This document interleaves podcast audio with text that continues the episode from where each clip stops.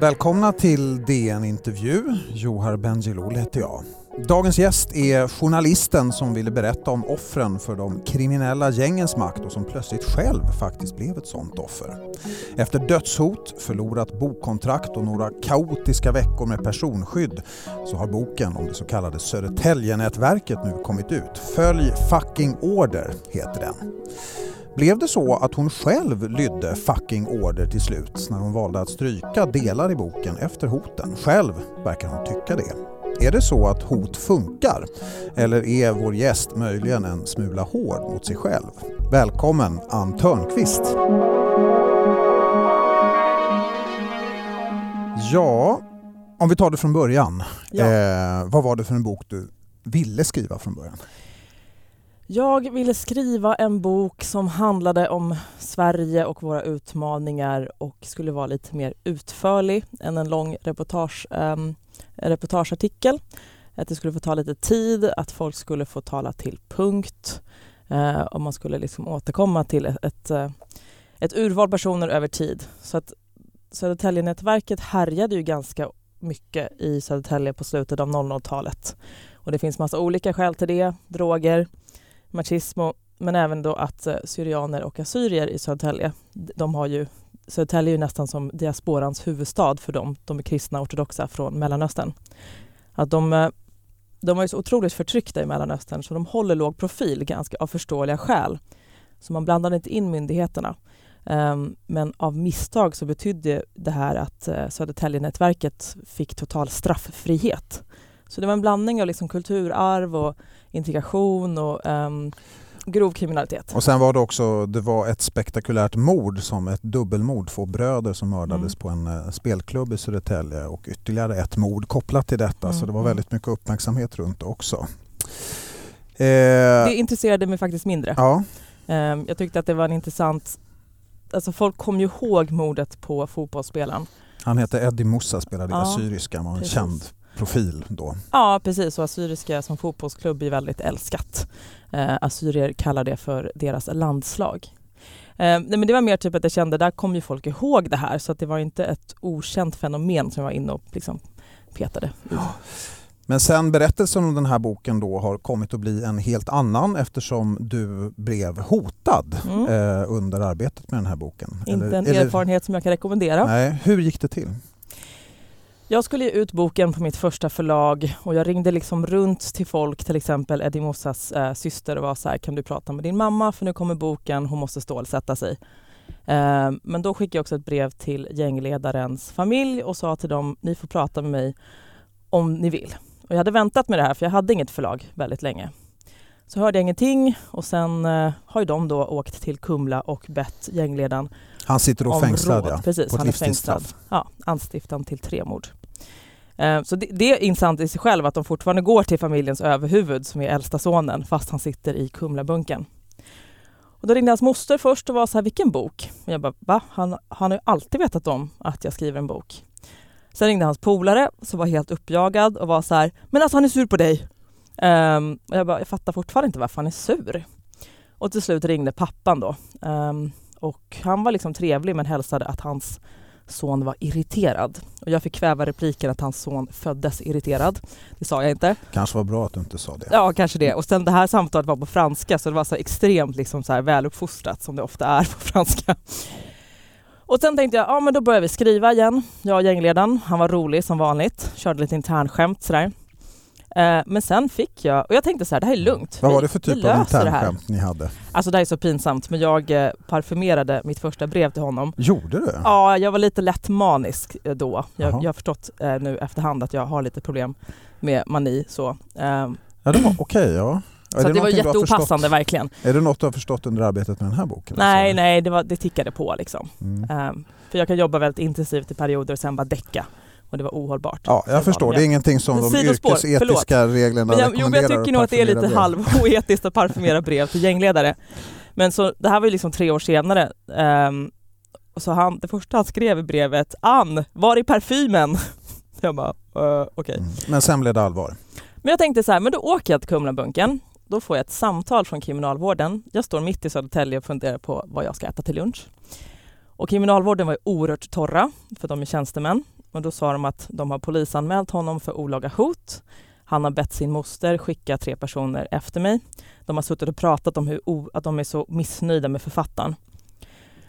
Och då när han hade gett den här orden så höll han upp handen på ett sätt som kan uppfattas som en pistol, vilket är tjänstemannajargong för han vill att någon skjuter dig i huvudet. Så det blev lite kaos där. Mm. Berätta om det kaoset. Alltså jag ringde ju facket först, som den trogna eh, vet, arbetarrörelsen-medlemmen jag är. Sen Sveriges Radio. Det var där du var anställd just då? Ja, precis. Jag var ju Södertälje-reporter. Um, och de hämtade mig med säkerhetsvakter. Jag fick bo liksom över nyårshelgen där, 16-17, uh, eh, på hotell och sen fick jag inte bo hemma på ganska länge. Och de liksom hade koll på lägenheten och sådär och bytte till säkerhetsdörr. Och... Hur, uh, vad, hur reagerade du när allt det här hände? Vad hände med dig?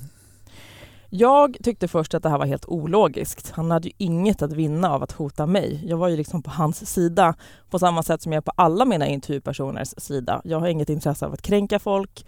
Allting som jag tar med i boken var ju med för att jag upplevde att det fanns ett värde. Så först var jag så här, va? Vad håller du på med? Um, och sen blev jag ledsen och det, det var jobbigt för att jag liksom flyttade mellan lägenheter och Eh, de flesta, jag är ju då 37 så de flesta av mina kompisar har ju barn. Man kan inte vara så här, hej jag tänkte bo på din soffa för att maffian är ute efter mig. Så det var lite pussligt att hitta ställen att bo. Jag var inte superrädd, men man tänker på det hela tiden och då blir man väldigt trött. Och det är allting från så här, det blir som en skala. Alltså längst ner är det typ så här, de struntar helt i mig, det här är inte ett dödshot, han ville bara skrämma mig, det, det är så här han pratar, det här är hur han har lärt sig att prata. Tills att de liksom typ skulle mörda hela min familj. Och så, vet, så att man dividerar, man ligger vaken. Um, jag var typ så här, om han kommer efter min familj då tänker jag bränna ner hans familjs hus. Tänkte jag mitt i natten och vakna på morgonen och var så här, mordbrand kanske inte så fräscht faktiskt. Nej, jag hörde dig berätta intressant i en annan intervju en gång om hur man fungerar under hot, de här stora känslosvängningarna mm, som kan vara, mm. hur man kan gå mellan stenhård och livrädd inom eh, loppet av några minuter bara. Ja, ja, ja, ja. gud ja. Så man är så här jättecool ena sekunden och sen blir man otroligt trött på sig själv för att Um, alltså, jag tänker så här rent fysiologiskt att ett hot sätter igång ett adrenalinpåslag um, och när man är i så här fly och fäkta-mode då blir man ju en helt outhärdlig narcissist liksom, för man tänker ju bara på sig själv. Sen lyckligtvis har jag inga barn så att jag behövde inte tänka på någon annan än mig själv. Mm. Efter allt det här så har ju, sen var det ju ett förlag som hoppade av men sen för de var rädda för de här hoten så fick du ett nytt förlag och mm. boken har faktiskt kommit ut nu trots hoten och då kan man kanske tycka att eh, du borde vara nöjd, kanske lite stolt men ändå så skriver du att den fängslade gängledaren, mannen som hotade dig, har vunnit. Shori vinner, även jag följer fucking order skriver du och alldeles strax ska vi få veta mer om varför.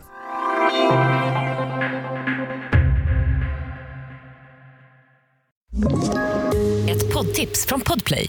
I podden Något Kaiko garanterar östgötarna Brutti och jag, Davva, dig en stor dos skratt. Där följer jag pladask för köttätandet igen. Man är lite som en jävla vampyr. Man har fått lite blodsmak och då måste man ha mer. Udda spaningar, fängslande anekdoter och en och annan arg rant.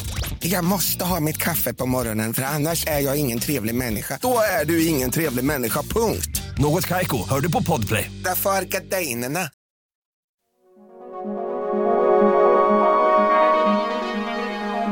Ja, välkommen tillbaka Ann Törnqvist. Mm, Den här tack. boken har ju då kommit ut trots dödshot eh, och ändå så avslutar du boken så här. En enda tanke spelas i en loop i min hjärna. Shori vinner. Även jag följer fucking order.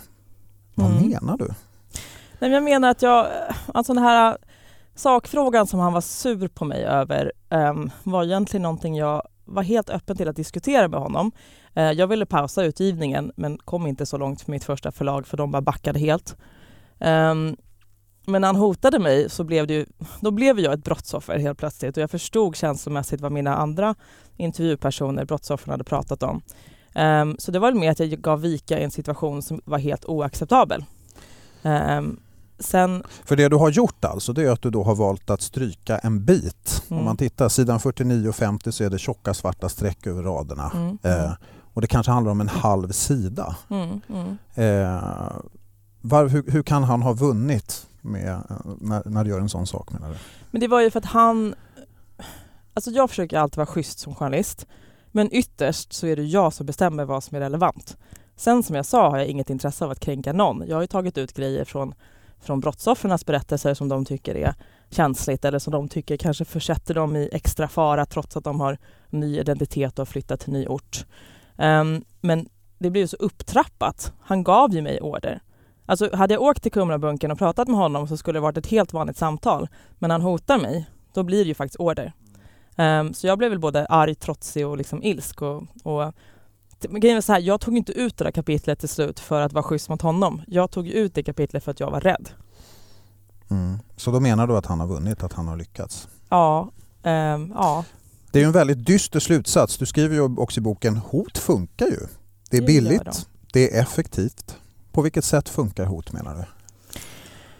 Um, ja, men jag menar om jag hotade att liksom döda dina barn så skulle du bli helt galen i huvudet, eller hur? Du skulle ju liksom skaka och bli kall och få ont i huvudet. Och... Ja, det skulle ju vara det värsta som kan hända. Jag skulle nog sluta fungera tror ja, jag, som precis. människa ja. om det hände. Eh, och sen är det ju så, jag intervjuade två eh, chefer på Grova Brott Syd, två kvinnor som pratade om också att Alltså i det här fallet så hotade han mig på ett sätt, du vet, kriminalvården såg det, han rapporterade till chefen, de ringde mig, de polisanmälde. Alltså det var väldigt tydligt så här, han pratade med mig. Men i andra, de berättar i ett annat sammanhang kan de göra så cyniska saker som att de typ väntar utanför dagis, de väntar på personen som de vill hotas barn. De bjuder ungen på glass, ungen blir jätteglad och sen säger de bara hälsa din pappa från whatever, namn. Eh, det är ju också ett hot. Det finns inga vittnen, ungen fattar inte vad som händer, eh, men man säger till pappan, jag vet var dina barn går i förskola. Så det är väldigt, väldigt svårt att bevisa. Det är väldigt lätt att hota någon, det är väldigt eh, svårt att bevisa. Jag har ju kollat på statistiken om, eh, om olaga hot och eh, övergrepp i rättssak som det heter, om man lägger sig i en pågående utredning eller rättegång. Och det är ju inte, jag tror att det var 14 procent av alla anmälningar som ledde till åtal i fjol och andelen sjunker. Ja, du skriver också mycket intressant om det här hur det äter sig in, att det liksom blir som en inre process, att hot är som en mental våldtäkt, det invaderar din hjärna, mm. skrev du. Hur var det i din hjärna under den här tiden? Eh, men det var ju liksom kaos. Det var för mycket saker. Alltså jag, man blir ju kränkt, man blir skändad. Eh, jag tänkte på det att jag hoppas att jag inte förringar folk som har, alltså, har blivit utsatta för riktig våldtäkt. Ja, det är alltid knepigt att använda våldtäktsmetaforen, ja. men jag förstår vad du menar ja. i alla fall. Jag tänker så här att i, i den mån att det var trauma så man slutar inte tänka på det. En person har tvingat sig på dig. Alltså det, det är ju det sättet. Um, men vad jag tänkte säga, alltså jag, var ju, jag blev ju lite KBT-aktig för det var så här, mitt förlag dumpade mig jag behövde förhandla med dem om mitt förskott och hitta ett nytt förlag. Jag behövde liksom hitta en rimlig kompromiss med Kori. Jag, skulle, jag hade förlorat min tjänst i Södertälje med Sveriges Radio, en tjänst som jag älskade och inte alls var klar med. Så ditt första förlag ville inte ge dig de pengar de hade lovat alltså? De ville dra av sina utgifter, vilket jag inte accepterade. hur gick det med det? eh, vi, vi hade ett möte med våra jurister eh, och de pratade om det här som det vore helt normalt och jag var helt liksom rasande och satt och liksom så sträcksnusade. Och vanligtvis är det juristen som ska vara liksom bad cop och jag ska, och vet, och jag ska sitta där och vara förnärmad. Och, men det är helt tvärtom. Alltså min jurist fick ju säga till mig och lugna ner mig. För, för, att de radade upp utgifter en efter en, inklusive faktagranskan. Det är ett förlag som har haft en författare som bestämd för förtal. De, de borde ha lärt sig att faktagranskare är en trevlig och bra sak när man ger ut reportageböcker. Men till slut sa jag, um, då sa jag bara så här. Jag är, lika, jag är lika lite intresserad av dina utgifter som hur mycket du betalar elräkning på kontoret varje månad. Ja, det var hårdkokt. Ja, men jag var så mm. arg. För jag kände så här, var fega. Men ni kan fan inte vara fega och snåla samtidigt. Men sen så kom du, nu har du i alla fall ett eh, nytt förlag och mm. boken har kommit ut och eh, du skriver i efterordet att eh, de ville gärna göra det här till en slags ändå hjältehistoria. De trotsade hoten, boken har kommit ut, yttrandefriheten har segrat. Men du vägrar den, den insäljningen av boken såg jag. Uh, ja, och grejen är att jag kanske ser tillbaks på det här efterordet om några år och är typ såhär, oj du är så melodramatisk, du var, ett, du var gatusmart och gjorde ditt jobb. Så Um, men det är just det, så här, det, är det som jag sa, hot funkar ju och jag vek ner mig. Um, sen blir det komplicerat eftersom jag faktiskt var helt okej okay med att ta bort kapitlet. Det är bara tonläget blev helt galet. Mm. Alltså vad hade, vilken typ av stöd hade du behövt för att behålla det där partiet? Stöd? Jag tänker att jag kanske, om jag hade fått tillfälle att prata med honom så skulle jag förklarat varför det var med. För att det här handlar om att han på ett sätt, han skickade ett långt brev om heder, att det var en kod man inte bryter. Men jag bara, men det här kapitlet är ju med för att visa att du är ett offer av hederskulturen. Att det är inte okej. Okay. Det, här, det som hände dig, det var, inte, det var inte oerhört dramatiskt så, men det var jobbigt för honom. Eh, det är inte okej att, ett, att en person utsätts för det här. Det, det, handlar ju om en personlig händelse i hans bakgrund. Ja. Det förstår man ju bakom ja. mellan raderna i alla fall. Precis. Och han har inte blivit slagen eller liksom utnyttjad eller så, men det handlar om något som puttrar på under hans barndom. Ja, kommer du att skriva om organiserad brottslighet igen tror du? Eh, det tror jag, men jag kanske väntar lite. Men däremot så var jag på en fest igår eh, och eh, pratade med en person som är ganska insatt i de här tre morden i Hallonbergen. Um, och det var ju ett jättemärkligt fall för man dödade ju ett vittne. Ja, det där är ju omtalat just att det, det är någon, faktiskt någonting som är ganska ovanligt i Sverige än så länge. Att ja, man dödar gud, någon bara för att den har bevittnat ett annat brott. Ja, jag vet inte om det var bara, för jag har inte kollat upp det där. Nej, uh, men det var en bidragande orsak i alla fall. Så. Men uh, för jag kommer ihåg att jag var på Sveriges Radio när den här informationen kom in och jag vände mig om till en kollega och var så här, alltså på allvar, bor vi på Sicilien? Vad är det som har hänt? Så att det är upptrappat. Och jag tycker liksom att... Så du vill skriva om organiserad brottslighet mera? Ja, eller som polisen har börjat halvt skämsamt säga oorganiserad brottslighet. För folk har inget... Alltså, bra maffia, inom citationstecken, är ju affärsmän. De tänker långsiktigt och de beter sig inte på ett sätt som drar uppmärksamhet till sig. Mördar man någon så måste ju polisen utreda. Punkt. Liksom. Så att de har ju blivit... Nu kommer väl de döda mig för det här, men de är inte så smarta längre.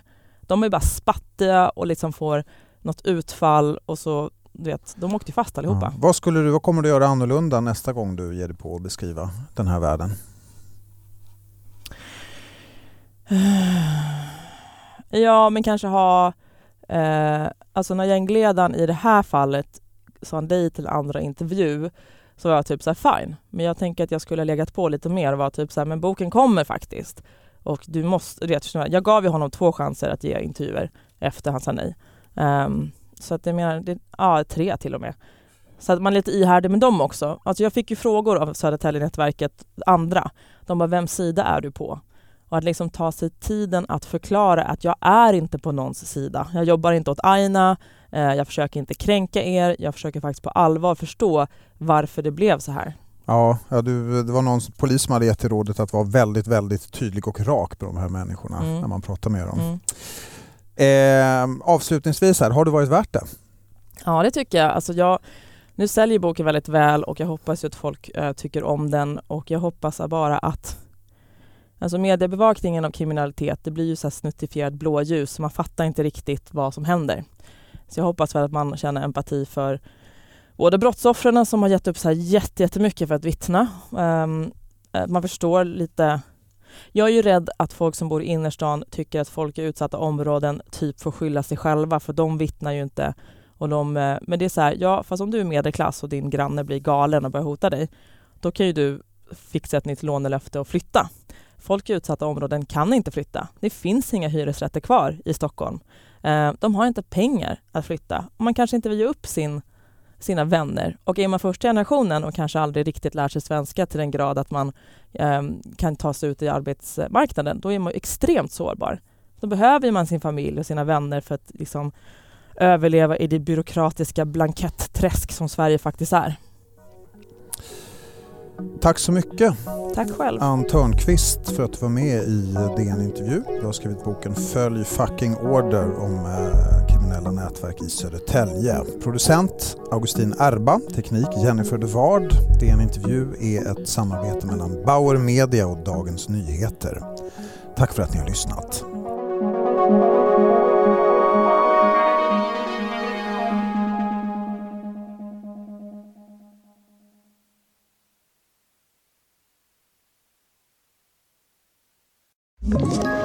Ett poddtips från Podplay.